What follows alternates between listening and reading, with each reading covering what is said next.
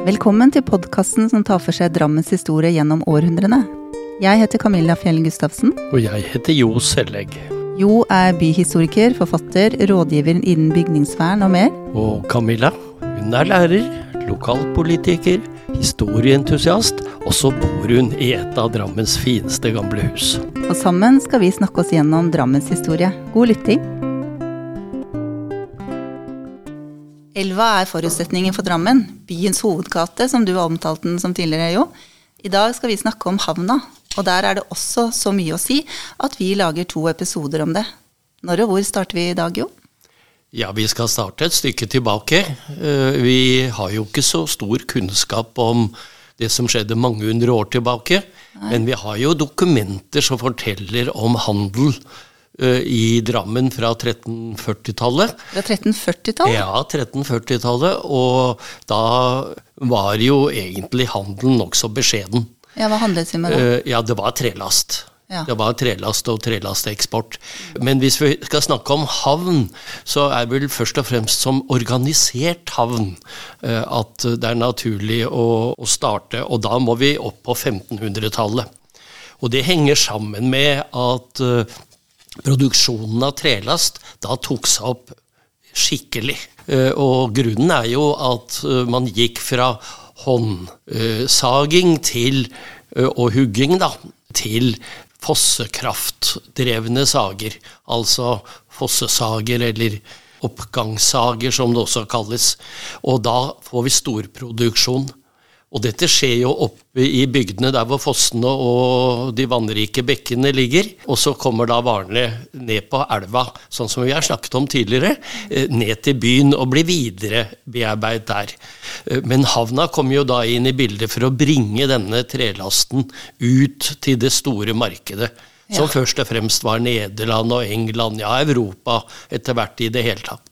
Men disse, dette tømmeret det fløt bare nedover elva? Det gjorde det. Det var i Ingen andre, det var ingen lastebiler. Det var ikke veier engang, hvis vi går tilbake til 1500-tallet. Bare stier. Det var ikke noe å transportere på. Så elva var hovedgat. Tungtransporten, for å kalle det det, gikk der. Men Hvordan fanget de opp dette tømmeret? Ja, De hadde lenser ja. øh, flere steder.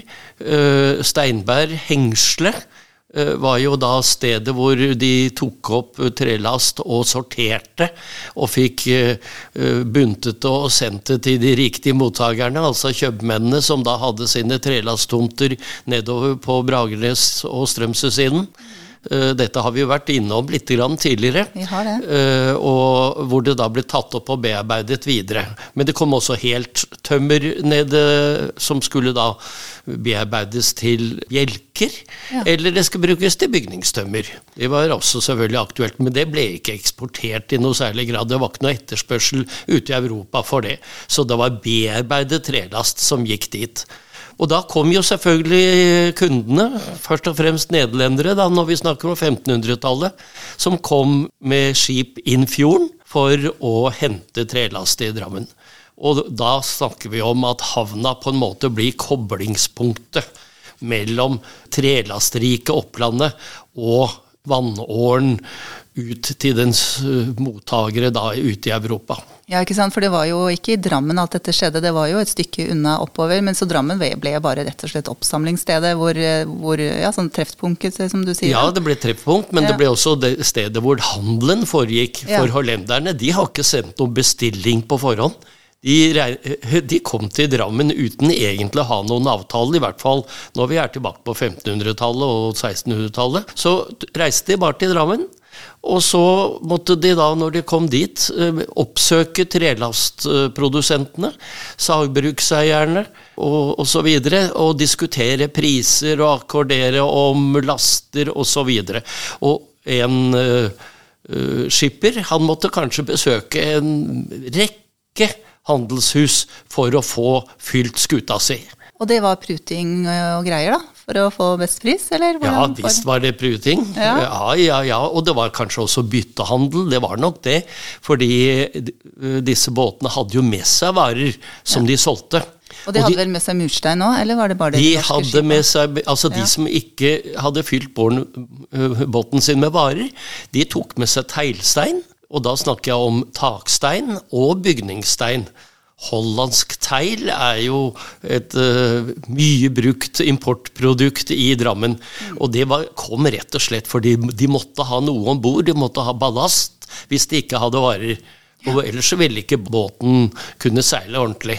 Men det ble, må jo bli litt regulert det her òg. Er det nå tollboden kom, eller? Ja, den kommer ganske tidlig. Ja. Eh, Vi får en tollbod på 1500-tallet, vi vet ikke helt nøyaktig når, men mulighetene åpner seg altså da eh, rundt 1530-tallet. Da får vi en, eh, en tollbod. Men da har det allerede vært eh, organisert handel et par hundre år. Vi vet at densherre Nicolasson, han som da forlenet området her, han innkasserte skipstoll og kongskjøp på vegne av kongen. Men dette hadde disse avtalt seg imellom, så det gikk nok mye i lomma til Bengt Nicolasson. Uh, og da snakker vi om 1388 og utover. Ja, så tidlig. Ja, og da var det jo Hvis du kom inn med båt da til Drammen, eh, så seilte du ofte til stedet som het Kobbervik. Ja. Ja, Kauparvik, som det også har vært omtalt som. Det var jo en vik innenfor gården eh, med det navnet. Betyr det at det var vann der det er rundt om nå? Det var vann ikke bare på selve rundt om, men langt innover mot Kobbervikdalen, helt opp til der hvor Maria Fekts gate starter. Det visste ikke jeg. Eh, Nei, hvis vi ser for oss fem meter høyere eh, vannstand enn det vi har i dag, Ja. eller eventuelt at eh, landet da ligger fem meter høyere, eh, så var det en, en virkelig skikkelig vik Ja, der. Yes. Så man måtte gå lang vei for å kunne komme fra Strømsø til Tangen eller omvendt. Det var dette med rundt om, vet du, som vi har snakket om. Man gikk rundt om. Man gikk rundt om, ja. Og oppå den knausen som er rett ved den viken, rød granitt, så da var det ikke så mye vegetasjon, så den, øh, der lå gården Kobbervik. Og man kunne se dette lang vei, og da siktet man seg inn på det røde kobberaktige fjellet, og fant veien inn til denne fine, lune havna. Men hvorfor lå havna der? Ja, er det fordi den var lun, som du sier? Hvorfor Den var lun og fin, og så var det jo passe dybde der for større båter. Det var ikke så dypt når du går videre oppover eh, i elva, Nei. eller mot dagens bybru f.eks., så var det veldig grunt.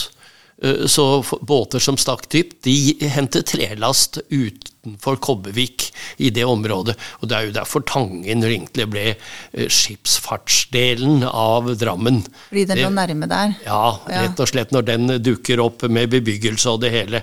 Det kommer vi jo litt tilbake til. Men dette er også utgangspunktet øh, fra uh, 1388 utover. Mm. Uh, og så får vi da uh, 1500-tallet hvor det virkelig tar seg opp. Men hvor det også skjer dramatiske ting. Åh.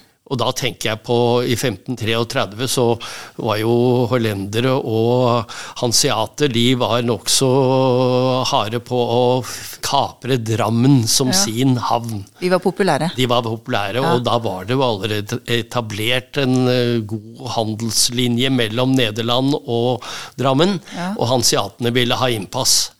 Ja. Eh, Så en sommerdag i 1533, mens det da lå ni hollandske skuter inne og eh, lastet trelass, så kommer tre krigsskip fra Lübeck inn fjorden og kaster seg over eh, hollenderne.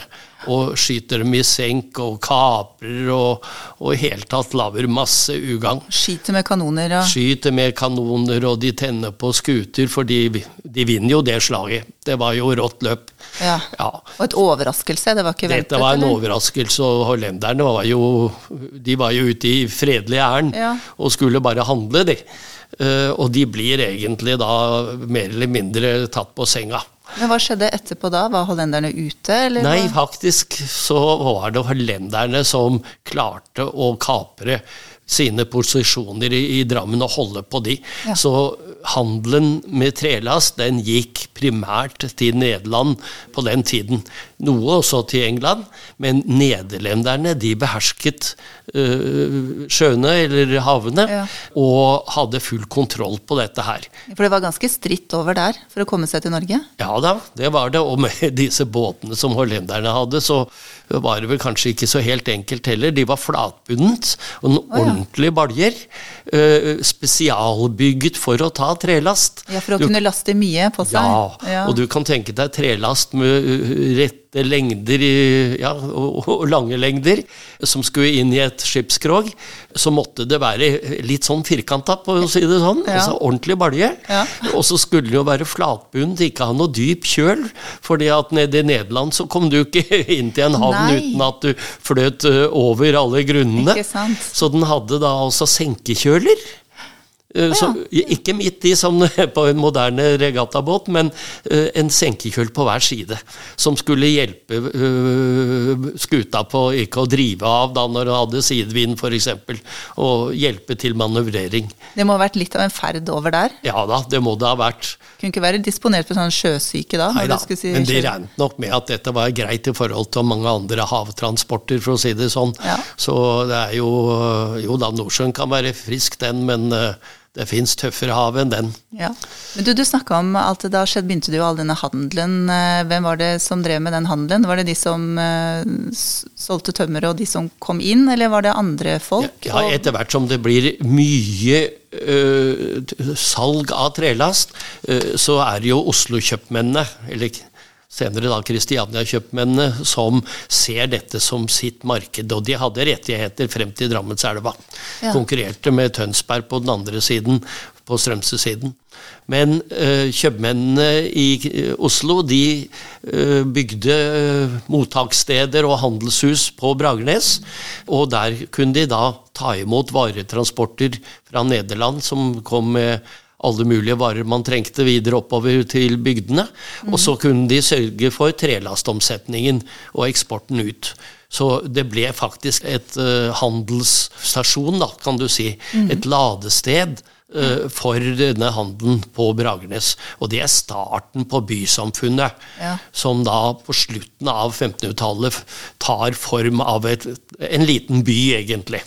Men altså de borgerne som bodde der, de måtte jo ha andre varer òg. Var det butikker på den tiden, eller var det mest markeder, eller hvordan Det var en form for butikker. Ja. Det ble nok handlet mye fra sjøbuer, fra krambuer, mm. hvor man hadde disse importvarene. Og det var mye eh, Det var jo alt forskjellig, men eh, det var korn og, og malt, det var uh, kjøtt og flesk, det var brennevin og vin, det var uh, krydder, salt og sukker, Ja. for eksempel. Og dette gikk jo i store enheter. Folk skulle jo gjerne handle for et år av gangen.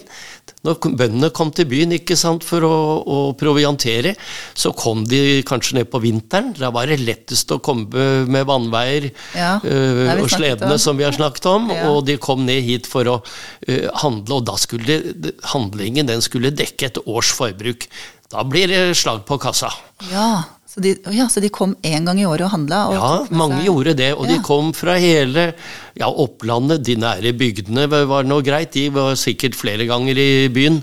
Modum og Eiker og Lier og sånn, men når vi går litt lenger oppover til Hallingdal og og Valdres og land, da var det sjelden med bytur, og da ble det storhandling. Og øh, dette skjedde på bryggekanten og hos kjøpmannen.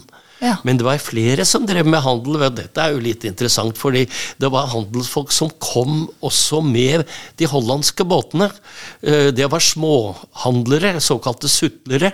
Sutlere? Ja, sutlere, ja. Ja. Eh, De hadde med seg handelsvarer som de solgte til bønder i konkurranse med kjøpmennene. Dette var ikke populært i det hele tatt, Nei. men eh, bøndene hadde faktisk rettigheter på å handle varer fra, på bryggekanten. Ja. Så dette var en strid som etter hvert utviklet seg. Etter hvert som handelen eh, steg i bysamfunnet, så ble det en strid mellom bykjøpmennene og bøndene.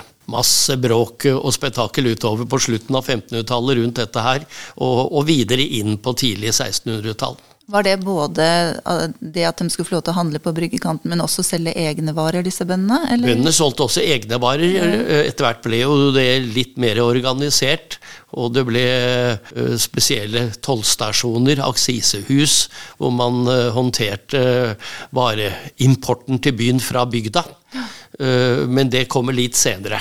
Men ettersom det ble mer og mer handel her, så må jo kongen ha tjent mye penger. Ja da, eh, kongen og mange andre. Mange andre. ja. Det- Det, var her de slo seg opp, disse familiene òg. Det er nå de begynner å bli store. Det det er derfor byen vokser. Det var jo et marked her som alle hadde glede av. Eh, og rundt uh, selve handelen så oppstod det jo masse behov for uh, håndverkstjenester og all mulig service og transport og bryggesjauer og liv og røre. Ja. Eh, masse eh, oppgaver som skulle gjøres, og det var mange mennesker som etter hvert flyttet til byen og, og fant seg et levebrød der. Og så vokser bysamfunnet, og det er havna som er kjernen for hele denne utviklingen, og det er jo det som er så interessant, Ja. og som gjør at eh, jeg kan kalle den siste boka mi for uh, Havna som skapte byen. Altså Drammen havn skapte byen, for det er jo egentlig det den gjorde. Den ble et forbindelsesledd mellom bygdene og kundene der ute i Europa. Ja, Det hadde jo kanskje ikke vært noe by her, hadde det ikke vært for all dette skips, altså tømmeret og skipshandel, så hadde vel ikke Helt riktig. egentlig vokst fram her, kanskje. Ja. Det starter jo med tømmeret, Ja. eh, og så kommer varene som et naturlig importprodukt og bytteprodukt i forhold til tømmeromsetningen. Ja. Eh, Og så har du da grunnlaget for et økonomisk grunnlag da, for en, et bysamfunn. Ja, og da er vi i gang, og så vokser det og vokser det. Men du, du snakker jo om alle disse skipene som kom hit, men vi hadde vel noen skip som dro ut etter hvert òg? Ja da, det, det hadde vi.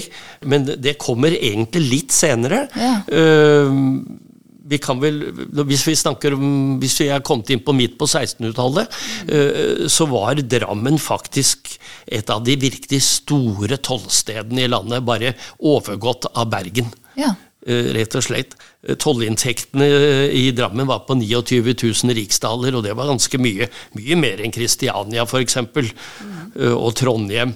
Det var bare Bergen som var større, som jeg nevnt, med 67 000. Men det gikk ikke mange år, så var Drammen på høyde med Bergen.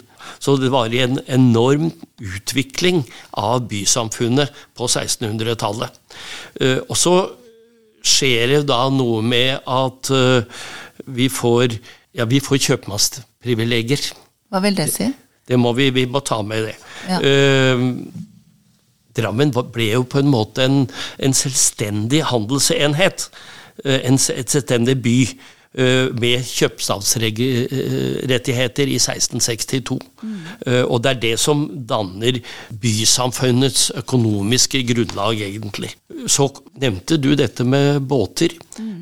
og etter at eh, England fikk sin navigasjonsakt på den tiden, 1651 Hva er det for noe? ja, Det betyr egentlig at de bestemte at alle båter som skulle med varer til England, de måtte enten være engelske eller fra det landet hvor varene kom fra. Oh, ja. Og det ekskluderte en hel rekke andre, ikke minst nederlenderne. Det gjorde det jo. Der tok de jo vinnersvingen på nederlenderne. Det var smart. Men dette var jo veldig fint for uh, drammenserne, da, for de fikk jo en ny levevei, nemlig skipsbygging og rederivirksomhet. Fordi vi handla med England. Fordi vi handlet mye, så kunne vi nå bygge egne skip og frakte varene på egen kjøl til England. Ja. Og det skjer i siste halvdel av 1600-tallet, rett og slett. Og hvem er det som står bak denne byggingen? Hvem er de første? Ja, det er noen av de markante kjøpmennene som klarer å finansiere og få opp uh, dette med skipsbygging og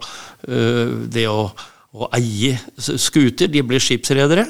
Uh, Daniel Knoff, som vi har hørt i en annen sammenheng, uh, han er en av de store.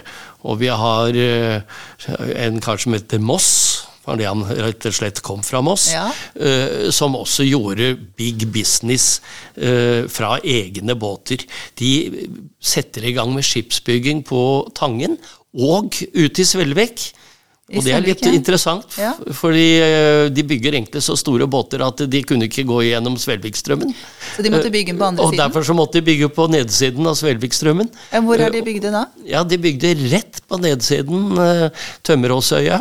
Ja. eh, eller Batteriøya. Batteriøya, ja. Ja. Rett sør for sentrum. Mm. rett på, ved den eh, så hadde de et verft. Ja. og, og det var egentlig Knoff som hadde det verftet. Han sleit han litt økonomisk på i, i 1680-årene, så det var andre som overtok. Men der ble det bygget enkelte skikkelig store skip. Også et krigsskip, faktisk. Et krigsskip? Ja, ja. Eh, Jeg tror egentlig at vi må ha et eget program ja, om skipsbyggingen. Så vi skal kanskje komme tilbake til det der. Ja, for det der ble jeg veldig nysgjerrig på. Ja, ja. Vi, vi må jo ha litt til gode. Det er så mye å øse av, ikke sant? Eh, Men når vi først er i Svelvik og, og snakker om det, så, så er jo Svelvikstrømmen var jo et hinder. Den er jo veldig smal og veldig sterk. Veldig sterk. Og det måtte jo gjøres store arbeider der for å prøve å få båtene forbi, i hvert fall de litt større skipene. Oh, ja. Eh, Sånn at de drev jo ganske tidlig med mudring. Allerede fra midt på 1700-tallet så får vi muddermaskin med sånn svær skuffe og djevelklør som skal kunne ta opp store steiner. Det var en såkalt rød stein som skapte mye problem. Ja. eh, problemer. Det var egentlig to steiner som lå ved siden av hverandre. Men det var jo før dampen. Altså, hvordan, Oi, det var lenge før dampen, så dette den? foregikk med hestekraft. Med hestekraft, Ja, ja. og det hadde flåte, hvor det da var en form for hestevandring som ble brukt uh, til å dra opp disse tingene, for her, er, her gikk det i tonn. Hørtes veldig avansert Ja, ut. Ja, veldig avansert, og man fikk opp disse her steinene. Det var jo sånne svære heller på 2,5 ganger 1,5 meter, Ja. som lå da en 4-5 meter under vannflaten, litt avhengig av mye vann som gikk gjennom uh, sunden, da. Eh, men det var også andre utfordringer. eh, ja, var strømmen sterk, vet du, så eh, kom de rett og slett ikke opp med båtene. Nei. Det skulle i hvert fall være ganske mye medvind for å komme gjennom, men de hadde jo satt opp en flaggstang, hollenderne, sånn at de kunne lenger ute i fjorden se om strømmen gikk ut eller inn, om det var stor eh, strømmotstand osv., så videre, sånn at de måtte da ligge og vente til strømmen snudde, eh, eller i hvert fall avtok. Ja, ikke sant? De så at det var noe vits i å prøve eller ikke. Rett og slett. Ja. Og det, det var jo Det kunne gå riktig hardt for seg der. Ved en anledning så var eh, et av kongens eh, skip eh, på vei eh, inn og hadde nok feilberegnet strømmen fullstendig, Ja. og gikk på tvers. På tvers. Ja, og sank Nei. midt i strømmen. Nei. Ja da.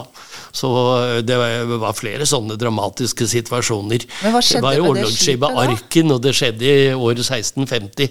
Nei, men hva skjedde? Det er jo ikke der nå. Og så fikk Nei, nei, nei, det eh, ble jo hugget opp. øh, De, de klarte jo å redde inn restene og, og fjerne det. de måtte jo det, for det blokkerte jo. Ja, men den er jo så farlig. Jeg har jo vokst opp i Svelvik og alltid hørt at den Svelvikstrømmen må du passe deg for. Så det er jo ikke bare bare å drive og holde på uti der. Nei da, vi har jo tidligere snakket om Ja. folk som har slitt i strømmen. Ja. Og, og dette her var jo én av mange situasjoner Mm. der gjennom tidene.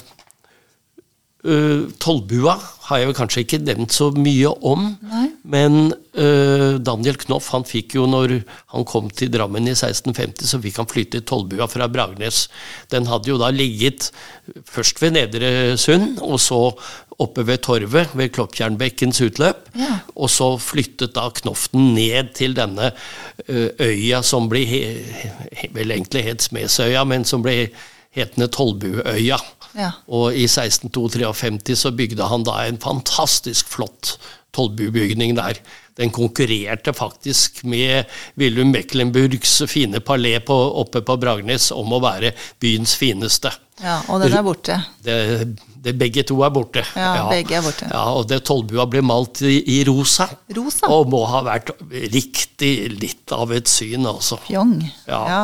Så der ble det jo da tatt inn masse penger. Daniel Knoff han uh, sørget jo for at en fjerdedel av inntektene til kongen uh, via, fra Norge, de kom via hans kasse. Ja. Ja, Den kassa som jeg vel har tidligere antydet nok hadde noen lekkasjer. Eh, så det dryppet jo litt på, på Knoff, kanskje ikke så rent lite. Nei, det vil jeg tro. Men disse tollbuene de eh, lå jo utsatt til, uh, merkelig nok, selv om de lå på en egen øy. Denne tollbua til uh, Knoff den brant jo i 1750. Ja. Og ble da erstattet av en ny stor og flott tollbubygning. På samme sted, eller? På nøyaktig samme sted. Nøyaktig på nøyaktig samme. samme grunnmur som den som brant opp. Ja. Så gjorde den det, og det var en dramatisk brann, egentlig, i 1750, som spredde seg Eh, fra fastlands-Strømsø, for å kalle det det, fra selve hovedøya Strømsø og mm. over til Tollbua. Men var det, for der var det jo en kanal som skilte? Der var det en kanal med en fin bro over. Byens lengste bro den gangen. Det var det, ja. ja Men hvordan kunne den spre seg over? Nei, det gnister, eh, flyr ja, eh, raskt. Blåser, og, ja. og, ingen var egentlig oppmerksom på det. Nei. Så det begynte å brenne mens alle var over på Strømsø for å slukke. Ja. ja. Og sånn sett så var det ingen som oppdaget det. Toller Nils Quist, som var toller den gangen, han uh, var vel en av de få som oppdaget det såpass tidlig at uh, han prøvde å redde tollinntektene, nemlig tollkista. Ja, for Der pengene had... var jo bare inni hvelvet, eller noe sånt? Ja, det var en tollkiste. Ja. Og er mulig at den lå i den murte kjelleren der, det vet jeg ikke. Nei. Men der var det 6000 riksdaler, og det meste av det var mynt.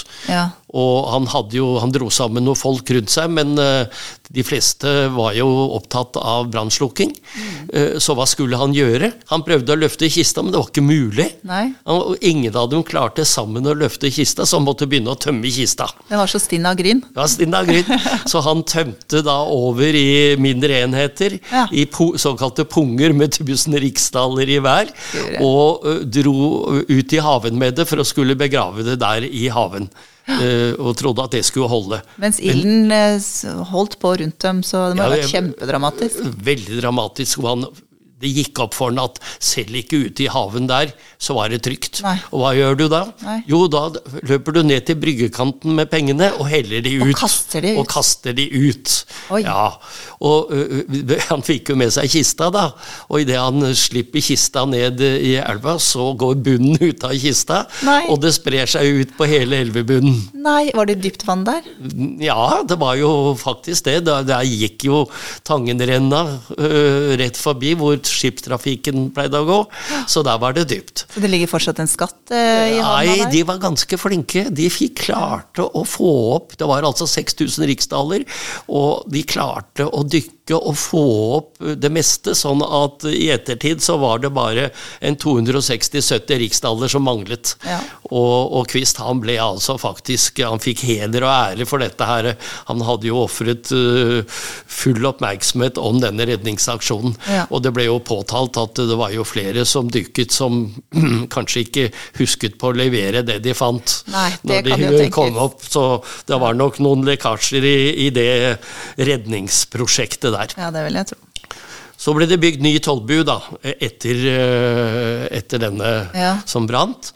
Så Brede Ranshaug, som var stedlig ekspert på å tegne og bygge stort, han ble engasjert og, og fikk opp en ny tollbu. Uh, og det er ganske mye morsomt rundt den tollbua, men en av de historiene som er morsomme å trekke frem, er jo uh, ute i 1780-årene, når denne tollbua ble bygd om og utvidet til to etasjer. Den var egentlig et U-anlegg, og tolleren han hadde hovedbygningen, og den ene armen på U-en, der hadde han uthusene sine. Og i den andre armen, der var det tollvesenet som holdt til. Ja. Og de bygde da på den første etasjen, og fikk en ny annen etasje. Og da starter krangelen om plassen i huset. Okay. For de hadde nemlig en uh, inspektør som heter Simon Engelhardt, uh, som hadde fått det, fått det, for seg at han skulle ha kontor alene. Ja. Han likte ikke å bli forstyrret av alle de andre, så han ba om å få eget kontor. Men det var ikke meningen, for der skulle de sitte nemlig i åpent kontorlandskap.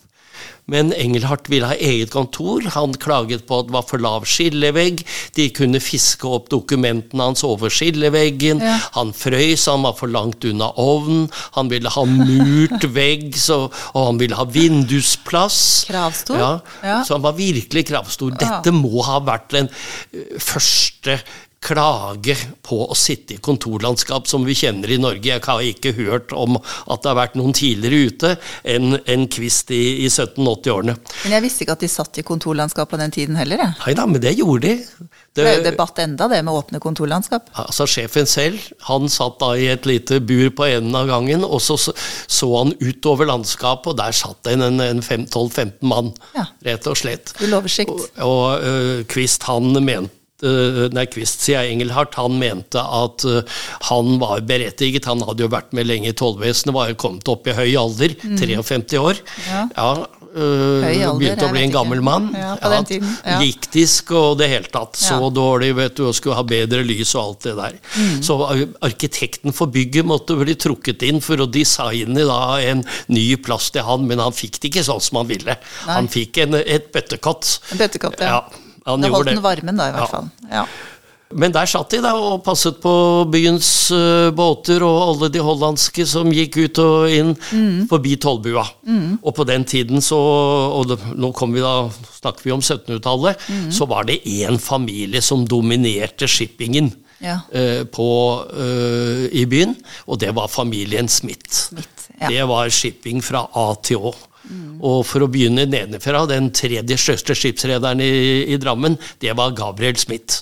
Kjent, det var lille, lillebror Smith. Mm. Han hadde de fleste sagene ved Hønefossen og eksporterte eh, sin trelast på egen kjøl. Mm. Så han var en av de store skipsrederne. Men han ble overgått av storebror Lars, Lars Smith. Ja. De bodde i hvert sitt palé på Bragernes, disse to her. Og de gjør det, ja, det Gabriel hadde Mecklenburg-palé, og, ja. og, Lars han hadde Smittegården ved Bragernes torg, ja. der hvor Emil Jensen uh, har vært i nyere tid. Der lå den. Uh, og de, dette var to krøshuser. Men de var ikke størst i shipping. Nei, hvem var det? Nei, For der satt nemlig en dame. Det var deres mor, Antonette Smith. Ja. Hun hadde enda flere båter. Hun satt i uskiftet bo. Ja. ja. sånn at de tre til sammen, dynastiet Smith, de hadde bukten og begge endene i shippingen i Drammen på 1700-tallet. Så damene kunne, de hadde noen rettigheter? Hun var dyktig. Ja. Hun hadde nok hatt en mann som hadde klart dette her veldig bra, men hun uh, videreutviklet den bedriften, for å kalle den det, mm. til å bli absolutt byens største. Og hadde hånd i hanke med både trelast og shipping og det hele. Litt av ei dame, da. Litt av ei dame, rett og slett. Men disse her hadde ikke noe med Smittestrøm og Lassestrøm Jo da, sånn, Gabriel Smith han hadde hytta si på Smittestrøm. Han hadde hytta på andre ja, siden av elva, ja. Ja, da, ja. ja. Han måtte over elva for å komme til hytta. Mens Lars Smith han hadde Frydenshall som ja. sin, uh, sitt landsted. Ja. Og den hang sammen med bygården. Det var en parsell som gikk fra rett ved Bragnes torv og rett opp mot åsen. Så når han skulle på hytta, så behøvde han ikke forlate egen eiendom. I all verden. Han kunne bare spasere eller ride på sin egen vei ja. til hytta. Og ja. så kunne han sitte der oppe da litt på oppsiden av uh, Bergstien, uh, rett bak uh, Bragnes kirke, ja. og skue ut over byen. Og sikkert se når egne skip gikk ut og inn fjorden. Ja. Ja, det var jo ikke lange veien, det må jeg si. Nei, det var uh, veldig elegant, det hele. Uh, vi er kommet til uh, en tid nå, hvis vi kommer inn på 1800-tallet, hvor Drammen absolutt er den ledende havnebyen i landet. Ja. Hvis vi regner i kommerslester, eller tonnasje ser vi jo i dag, da, men eh, kommerslester var også en, måte å, en eldre måte å måle skipsdrektighetene på. Eh, og da var, var, Drammen størst når det gjelder uh, skipstrafikk. Ja. 170 000 Uh, lester, kommerslester besøkte Drammen i løpet av sesongen. Bergen lå på en god annenplass med 139. Hva sa du? Ja, Nå hadde vi passert dem. Passert ja, ja, nå ja. hadde vi passert Bergen. Jeg håper ikke det er for mange bergensere som får uh, kaffen i vrangstrupen nå. Men Kristiania lå omtrent på 106 000, altså en, eh, en, en klar tredjeplass, da, for å si det. Mm. Men er det grunnen til at Drammen lå foran Kristiania, det har med tømmer å gjøre? Eller? Det har med tømmer å gjøre, for her kom det mer trelast enn det kom til Kristiania. Mm. Eh, skulle nok endre seg litt senere, men uh, Drammen var den store trelastbyen mm. uh, i Norge på denne tiden. Ja, for Kristiania var jo mye større på den tiden òg. Som by var Ja. betydelig større. Men det var ikke Altså storbyene, eller storbyen, Ja. det var jo Bergen og Kongsberg var heller ikke borte. Å nei, så de var større? Nemlig Bergverksbyen, ja. det ja. visste. Ja. Det, men det avtok jo etter hvert som Bergverket begynte å slite inn på 1800-tallet. Ja. Men her et- fram til nå så har jo skutene gått med seil og sånn. Og så kommer vi jo litt oppover, så kommer jo dampen. Vi har jo snakka Ja, om dampen og vi nærmer oss nå et tidsskille, egentlig. Ja. Fordi at dampen den snur opp ned på veldig mye, også når det gjelder havna. Ja. Altså Én ting er hva vi tidligere har snakket om, uh, disse dampsagene. Mm. øh, som overtok for fossesagene, eller oppgangshagene. Mm. Det er jo en sterk endring av hele systemet. Arbeidsplassene, bygdene forsvinner, og, og nye arbeidsplasser oppstår i byen. Mm. Men denne dampmaskinen, den kunne jo brukes til så mye. Ja. Den kunne puttes om bord i en båt. Det var faktisk noe av det første de gjorde. Mm. etter hvert så viste det seg at den også kunne brukes på hjul.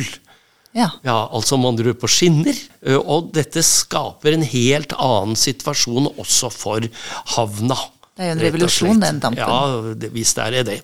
Eh, Det skal vi komme litt tilbake til i neste runde. Jeg vil bare eh, prøve å tegne et lite bilde av hvordan Drammen ser ut nå, Ja. sånn litt på ja, på første halvdel av 1800-tallet. Ja, det vil jeg gjerne høre. I gamle dager så var det jo få, nesten ingen, offentlige brygger.